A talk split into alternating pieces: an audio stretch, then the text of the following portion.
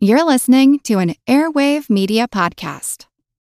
Another day is here, and you're ready for it. What to wear? Check. Breakfast, lunch, and dinner? Check. Planning for what's next and how to save for it? That's where Bank of America can help. For your financial to dos, Bank of America has experts ready to help get you closer to your goals. Get started at one of our local financial centers or 24-7 in our mobile banking app. Find a location near you at bankofamerica.com slash talk to us. What would you like the power to do? Mobile banking requires downloading the app and is only available for select devices. Message and data rates may apply. Bank of America and a member FDIC. Families have a lot going on. Let OLLY help manage the mental load with new cognitive help supplements for everyone four and up, like delicious Lolly Focus Pops or Lolly Mellow Pops for kids. And for parents, try three new Brainy Chews to help you focus, chill out, or get energized. Find these cognitive health buddies for the whole fam at olly.com. That's O L L Y.com. These statements have not been evaluated by the Food and Drug Administration. This product is not intended to diagnose, treat, cure, or prevent any disease.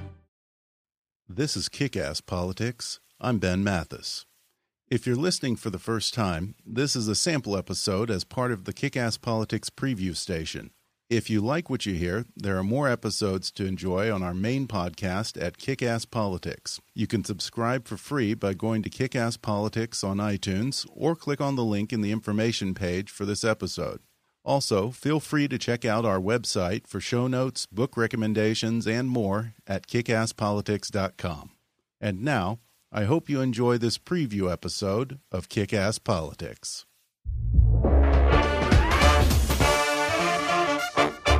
Kick Ass Politics is brought to you by Fiverr. You've heard me rave about Fiverr before. Fiverr is the world's largest online marketplace for services with over 100 categories, all offered at a fixed base price of just $5. Logo design, business consulting, marketing, business cards, stationery, web design, translation, transcription, proofreading, legal consulting, and just about any other service you can possibly imagine all offered at a base price of just $5.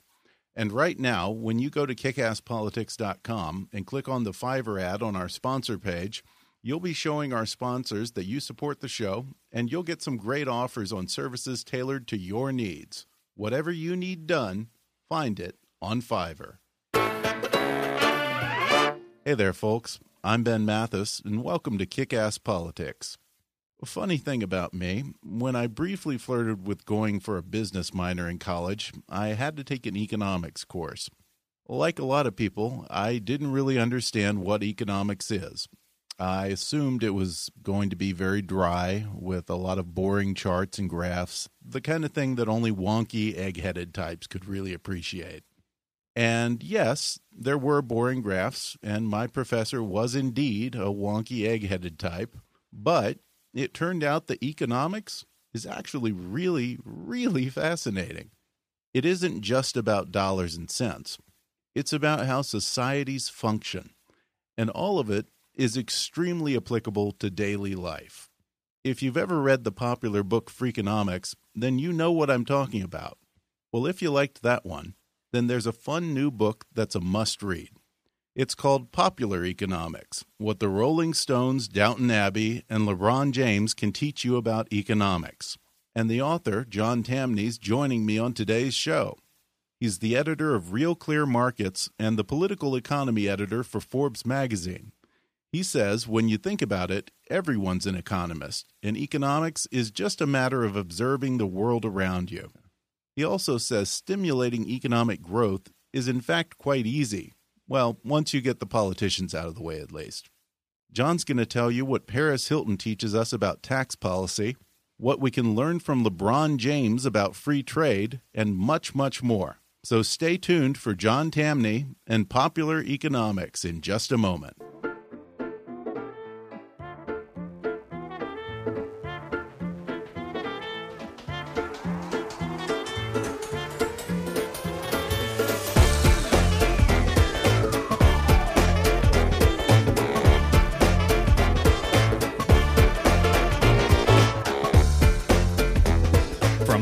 To Washington, it's time for Kick Ass Politics. And now here's your host, Ben Mathis. I'm happy to have John Tamny on the show today. He's the editor of Real Clear Markets, and he's an editor of political economics for Forbes. He has a new book out called Popular Economics What the Rolling Stones, Downton Abbey, and LeBron James Can Teach You About Economics. John, thanks for coming on the show. Hey, Ben, thanks for having me on. Well, I tell you, I like this book because I'm I'm hardly an expert on economics, but when you take away the charts and the graphs and you take it out of the classroom and just apply it to real world stuff, I find that it's one of the funnest and most interesting subjects out there. And and kudos to guys like you. Um, and the economists, uh, you know, other guys like Steve Dubner and Levitt, uh, for making economics accessible for so many people, economics is such an unknowable and almost mysterious thing. So, to start off, what is one lesson that you would like for the average American to be able to understand? Well, what I would first say is that everyone's an expert on economics, and that's the point of the book is that if you can observe the world around you then you're an expert on economics. Shame on the profession for turning it into graphs and charts. There's no need to. Economics is about human action. And so, and, and why people do things. And so, if you can understand what's happening around you, you fully understand economics. And the lessons are there in sports and movies and famous businesses that, that are very, very accessible and so yeah, there's so much that I, that I want the book to explain to people. But probably one of the most important lessons is why do we get up and go to work every day? It's to trade. That, that's the purpose. As individuals, we are all free traders. That we go to work and we exchange the fruits of our labor for the haircuts we enjoy, the the food we eat, the clothes we wear, the apartments we live in. You name it.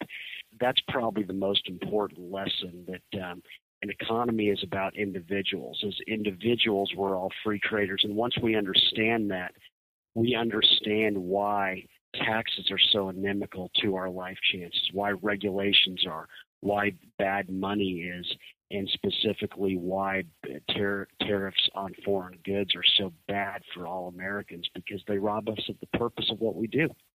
You spend nearly half of the book focusing on the cost of taxes to our economic prosperity. And one of the recurring themes that you bring up is the idea of, quote, the unseen. It's kind of uh, like it's a wonderful life scenario where uh, if you could see what would have happened if all the money that's being spent in government hands hadn't been taxed away from producers and was put back into the economy and was invested in startups and research and development and so forth. But it's tough because the unseen is by definition unknowable. So, how do you sell people on this idea that there's a better alternative? Well, I think the only way to sell it is to remember that Americans are are are optimists. They believe that good things are going to happen to them. So I want to talk about the unseen and the unknowable because I want to say to people when we reduce the size and scope of government, think of all the wonderful things that are going to take place, and they will be wonderful. Entrepreneurs cannot be entrepreneurs without capital. Bill Gates needed capital to create Microsoft. Jeff Bezos needed it for for Amazon. Steve Jobs needed it to re- revive Apple on the way to some great things. And so I want to point out to people if government was consuming less, if John Boehner and Nancy Pelosi were allocating less in the way of the economy's resources, imagine all the entrepreneurial ventures that would get funded that aren't being funded right now. And some of these would lead, get us closer to a cancer cure, get us closer to transportation innovations that would make the airplane seem small by comparison, would get us closer to software that would make Windows look dated.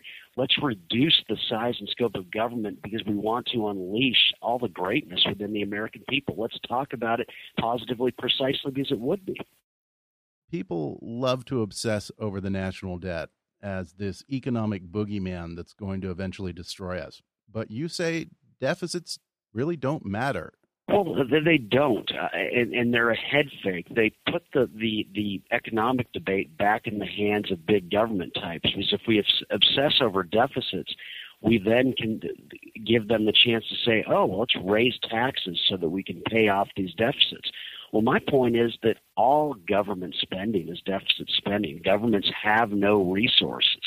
And so, what we should really focus on is the size of government spending in total. If you give me a choice between an annual deficit of one point, of one trillion on 1.1 trillion in spending, or a balanced budget annually of 3.5 trillion, I'm going to take that deficit any day of the week because that signals a much smaller government.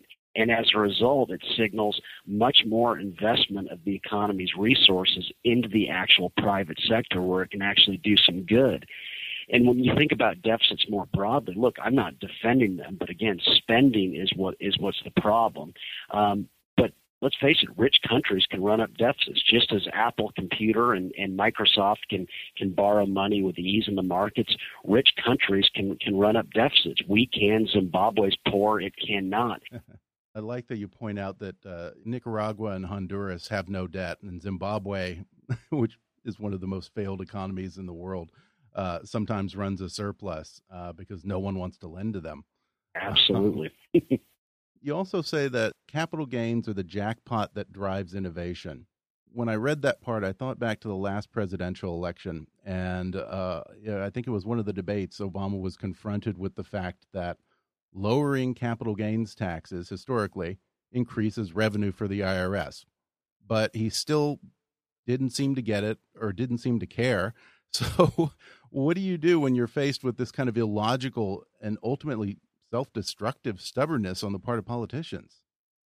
Well, I think, again, that was the mistake. I, I would agree. It's empirically true that if you cut the capital gains tax rate, it generally leads to more investment that then leads to more revenue for the IRS. I think you can make a similar case for cutting the income tax rate, that the economy grows and there's more revenue for the IRS. But why would that sell to the American people? Why not say, let's cut the capital gains rate because we want more investment in the Microsofts and Intels and Apples of the future? That's how you get people behind it. Okay, so President Obama um, is stubborn about the revenue uh, effects of capital gains tax. You just got to talk over the head of people like that and say there are no companies and no jobs without investment first. A lower capital gains tax would mean more investment in the job creating companies of the future. And after that, whom would you rather allocate the economy's resources? John Boehner and Nancy Pelosi? Or Warren Buffett and Jeff Bezos? I think we know the answer. Let's start talking about the good that will come if we remove the government burden. You present in your book uh, an interesting choice.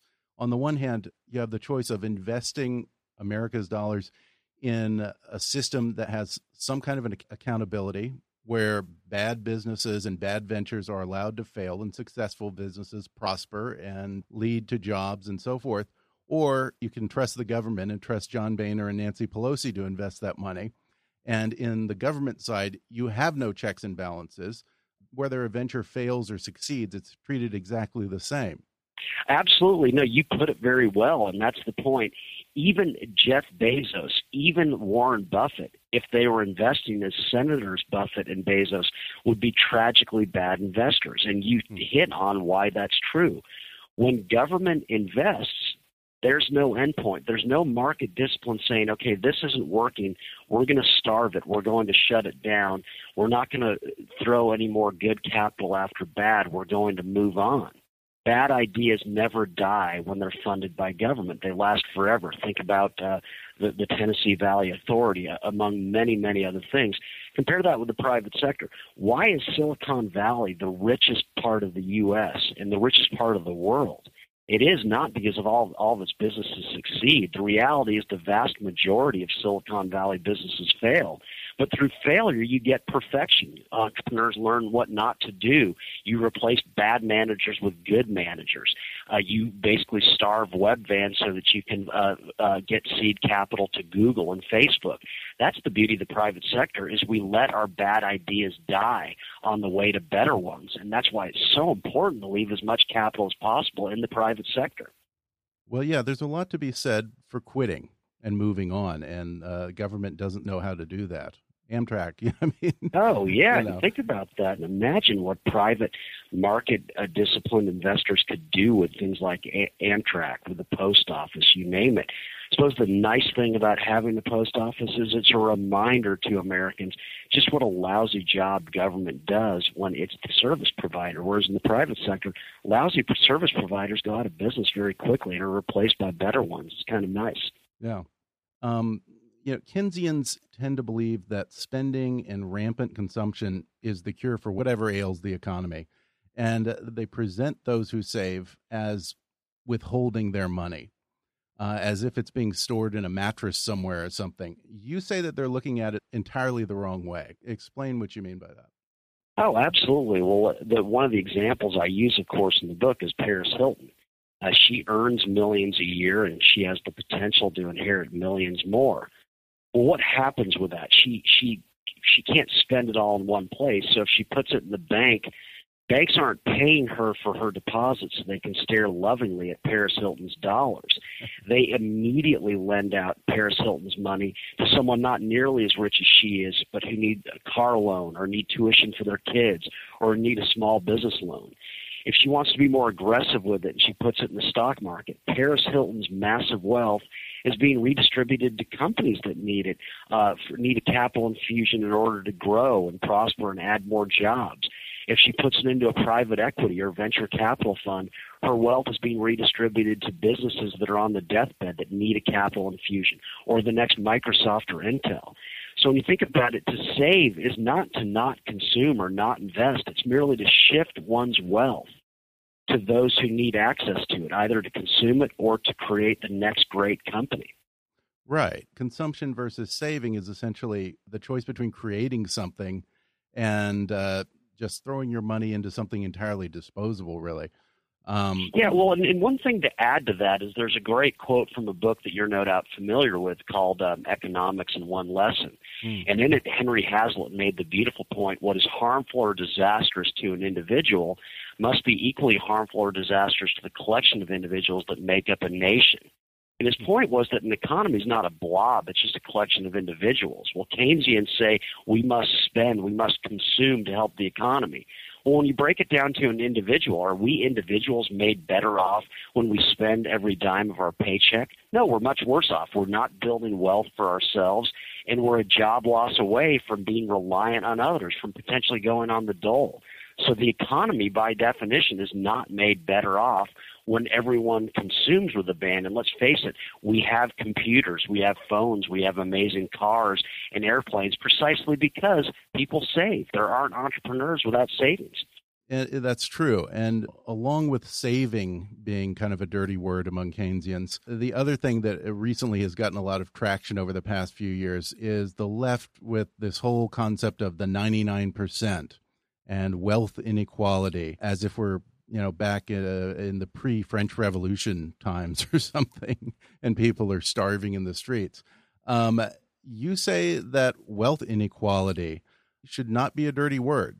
No, I say that wealth inequality is beautiful. Um, think about what rising wealth inequality signals. It signals the happy process whereby the lifestyle gap between the rich and poor is, is, is shrunken. Um, how do people get rich in a capitalist society? They get that way by taking the baubles formerly only enjoyed by the rich and making them broadly available to everyone. Um, if you want to see how we're all going to live in the future, and in the not so distant future, really all you have to do is look at how the rich live today. And history proves that. The first cell phone was created by Motorola in 1983. It was brick sized and had a half hour of battery life, terrible reception. It cost you a fortune if you wanted to call from Chicago to uh, Detroit. Well, nowadays um, there are billionaires around, and they got that way precisely because they made the cell phone that used to cost four thousand dollars. They made it available for almost nothing, um, and, and with phones that we can fit in our pocket that have computers on them, where we can call not just around the U.S. but around the world. The first computer was created by IBM in the 1960s. It filled a room but had very few capabilities. It cost over a million dollars. Nowadays, we can buy computers for next to nothing. Michael Dell is worth billions because he made computers broadly available to us. Henry Ford took the car, the automobile that used to only be owned by the 1%. He got rich precisely because he made it broadly available to, to us. And so that's what income inequality is. It doesn't cause poverty, it's what reduces the sting the, the burden of poverty by making goods formerly enjoyed by the rich available to everyone. Yeah, well, you're right. You don't see businesses out there trying to make goods and services more expensive. I mean, of course not. That's that's no recipe for success. Yeah, um, whether it's yeah. Apple or Amazon, I mean, they're constantly trying to streamline and innovate to reach the widest possible market. Um, and I love that one of the things you mentioned in there is, uh, you know, the Forbes 400 is comprised of people who made their fortune improving people's lives. So true. Uh, Patrick Soon-Shiong is one of the people I feature in the book. He is worth billions today, and he is because he's brought us closer to a cure for cancer. We constantly hear from economists and politicians, they offer these evidence free assertions that inequality is bad for society, that's going to tear, us, tear it apart. Well, so listeners need to only ask themselves the question what if Jeff Bezos and Steve Jobs and Michael Dell had been layabouts? Certainly inequality would be much less, but would anyone want to live in a society without talented people like that? If someone does come up with a cure for cancer and they earn billions for having done so, well, Americans actually feel that no, they probably should have buried that cure under underground because the inequality that would result from someone doing that would be so bad for society. And it goes back to the important Hazlitt point about how an economy is a collection of individuals. Are we as individuals worse off when we get to pursue that which most animates our individual talents, that's that which makes us most unequal relative to our peers? Obviously not. We're much better off. Imagine a world in which we're forced to do things that we're not very good at. It would be a lot more equal, but it'd be a terrible world to live in. Yeah, there's always room for more in the 1%. It's not an exclusive club. All you have to do is succeed. Yeah, all you have to do is innovate. Um, the, the team picture changes every year, and the One Percenter Club is open to those who innovate, and specifically open to those who will take what is only being enjoyed by the rich right now and making it broadly available to all people. Well, we're going to take a quick break, and then we'll be back to talk more with John Tamny.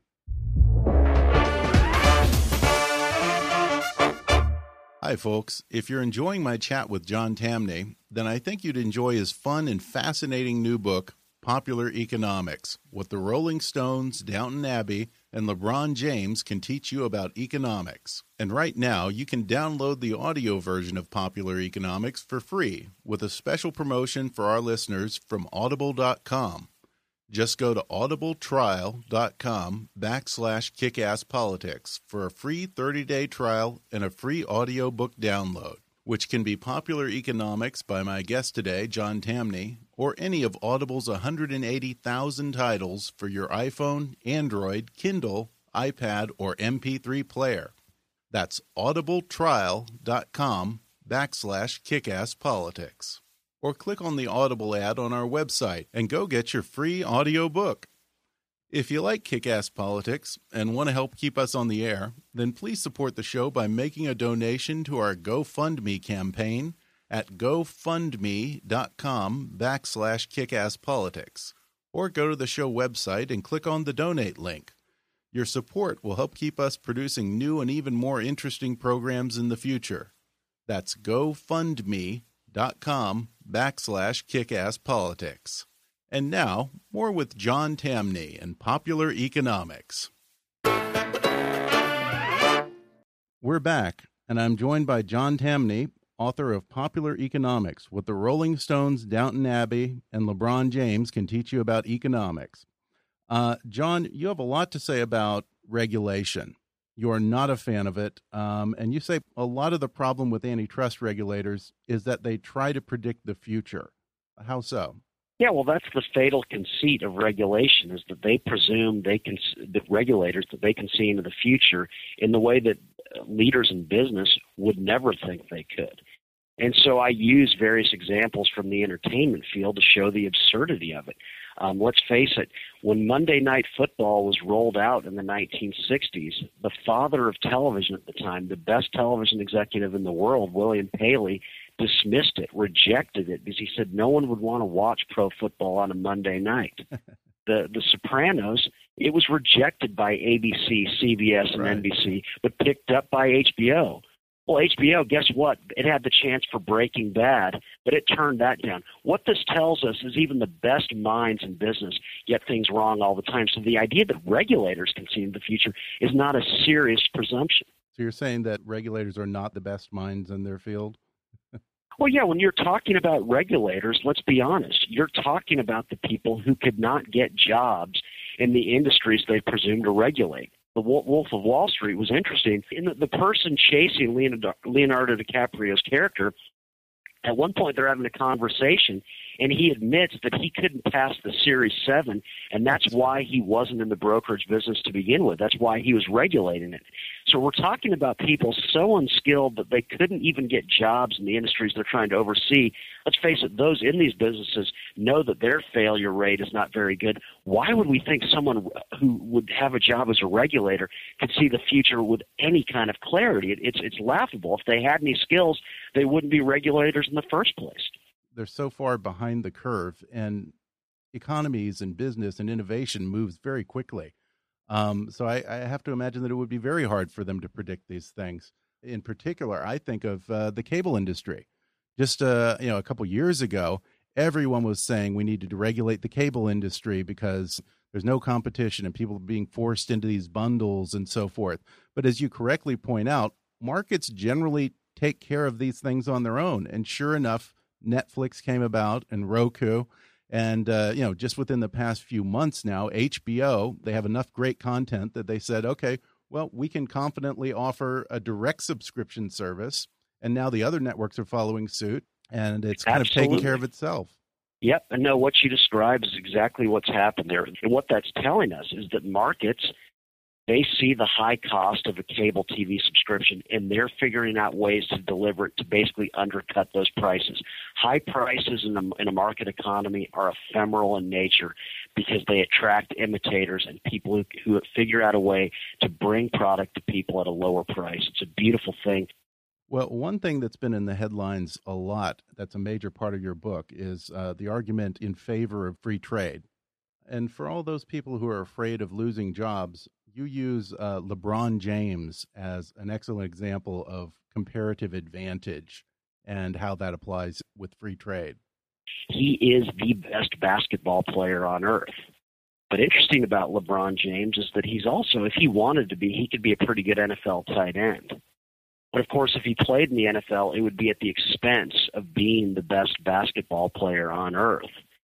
And so we need to think about LeBron and apply it to our lives. There's lots of things that we could probably do. Some of us probably could raise our own food. Some of us probably could, if we wanted to, build the house we live in. Uh, maybe sew the clothes that we wear. But if we did those things, it would be at the expense of far more productive work. And so the beauty of free trade isn't just that the world is competing to serve our needs but it maximizes the possibility that we individuals get to do the work that most animates our talent. We can focus on the area that mo- makes us most productive and then import the shoes we wear, the food we eat, the clothes we wear, the apartments we live in from people across the street and around the world. It leads to maximum productivity, and that's a good life.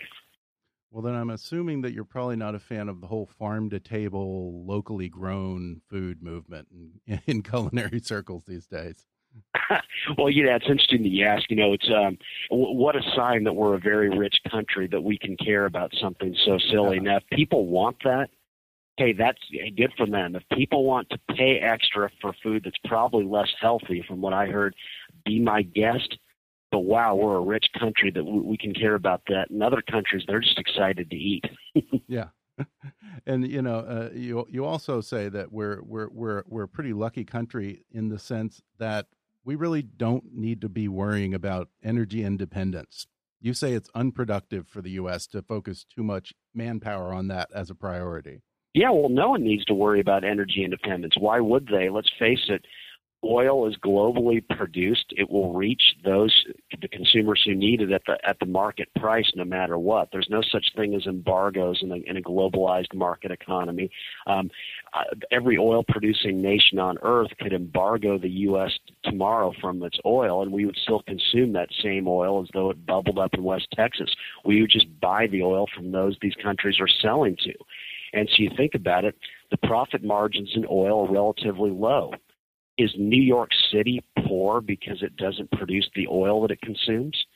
Is uh, you know is Paris poor? Is is is, is Switzerland one of the richest countries on earth and more impoverished because there's no oil in Switzerland? Obviously not.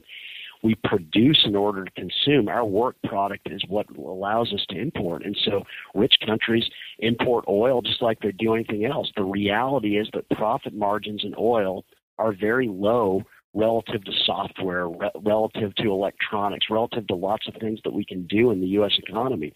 So, in a normal free market, we'd probably import all of our oil, and we'd be a richer country for doing so. Yeah. Let, let others do the low value work. We'll do the high value work. Uh, President Obama is pushing a new trade bill, and it's odd because he has the support from the majority of Republicans in Congress, but not from his own party. And among the public, there's a lot of skepticism, and no one's seen what's in the agreement. Does it bother you that we don't know what's in the agreement? And and if not, what would you say to those who are concerned about this trade agreement that they're trying to pass? I think with this one, what's got to be remembered, President Obama, his presidency for all intents and purposes ended at the end of 2012. He's been a lame duck all this time. The only way he can get legislation passed at this point is if he does something that pleases the Republicans. Now, are Republicans perfect? No, they're not. But I think to me that's a fairly good sign that this is generally a bill that's not terribly objectionable. Beyond that, I want legislation like this because I want I like the symbolism of the US being seen as open to foreign trade around the world. I think that is important. I like the idea of something that maybe makes makes it more possible for all Americans to be to have the world compete to serve their needs.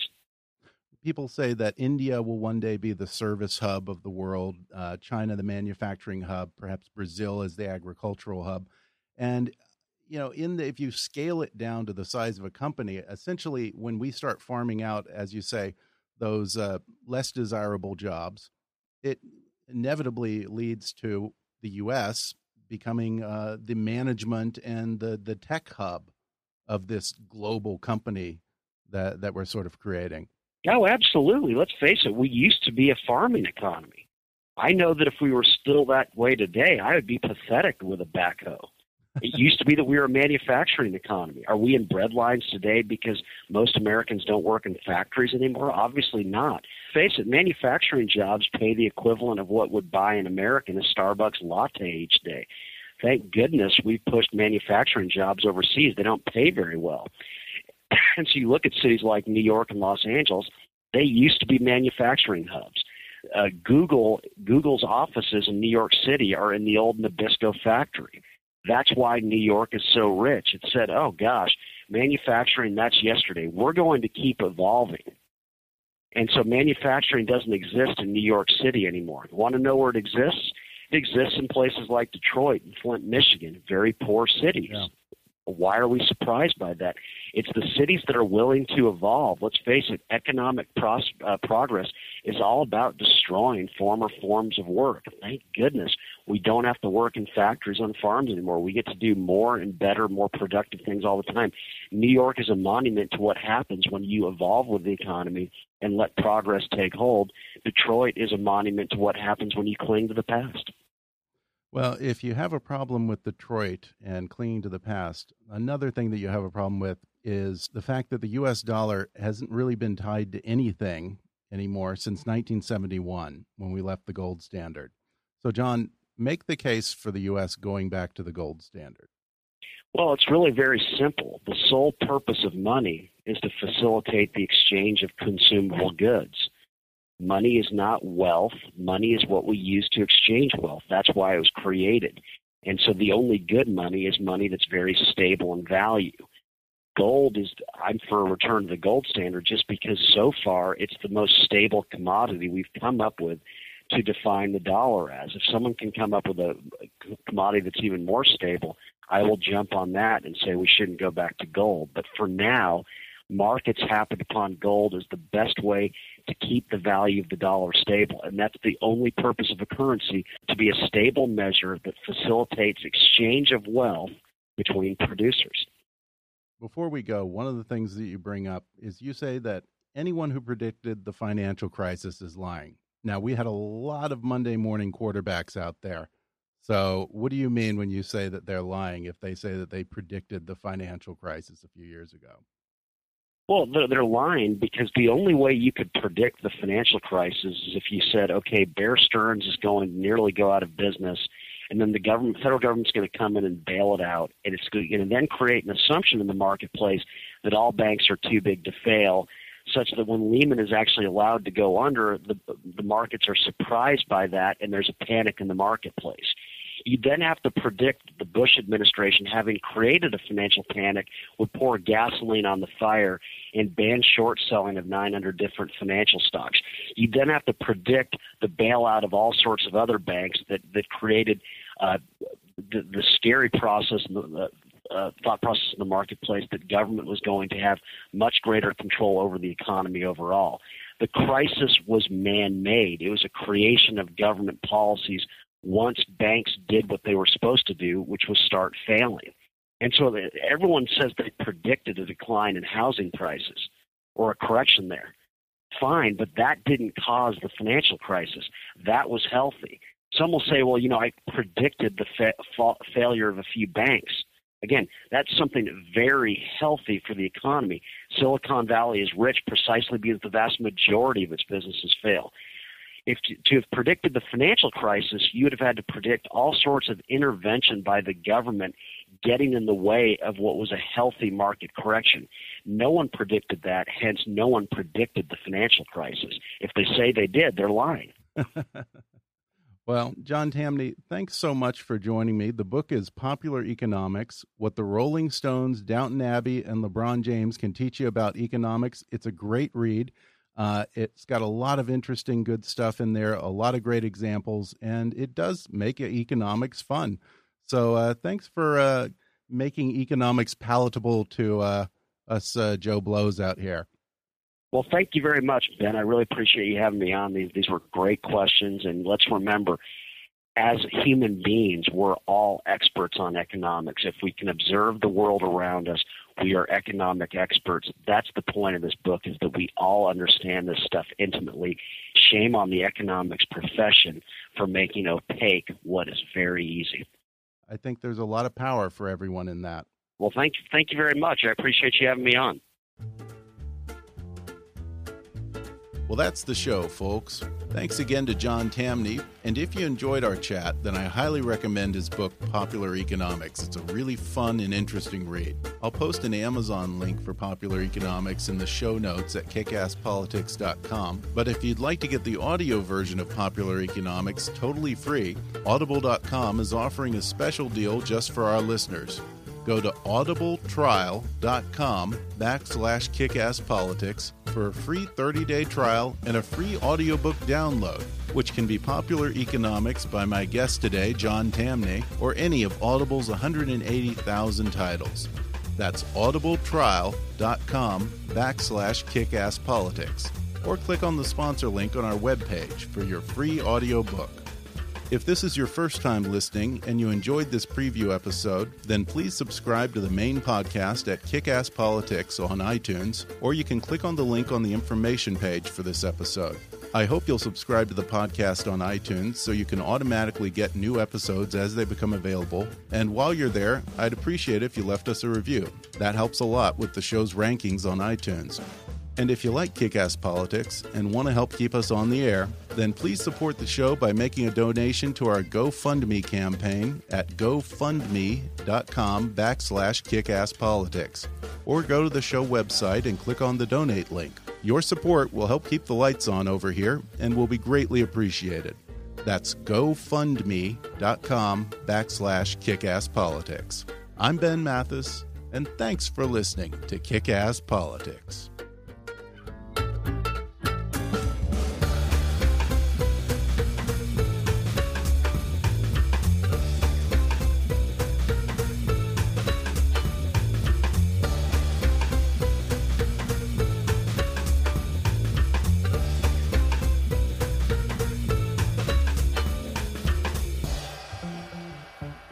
Kick-Ass Politics is a trademark of Mathis Entertainment, Inc.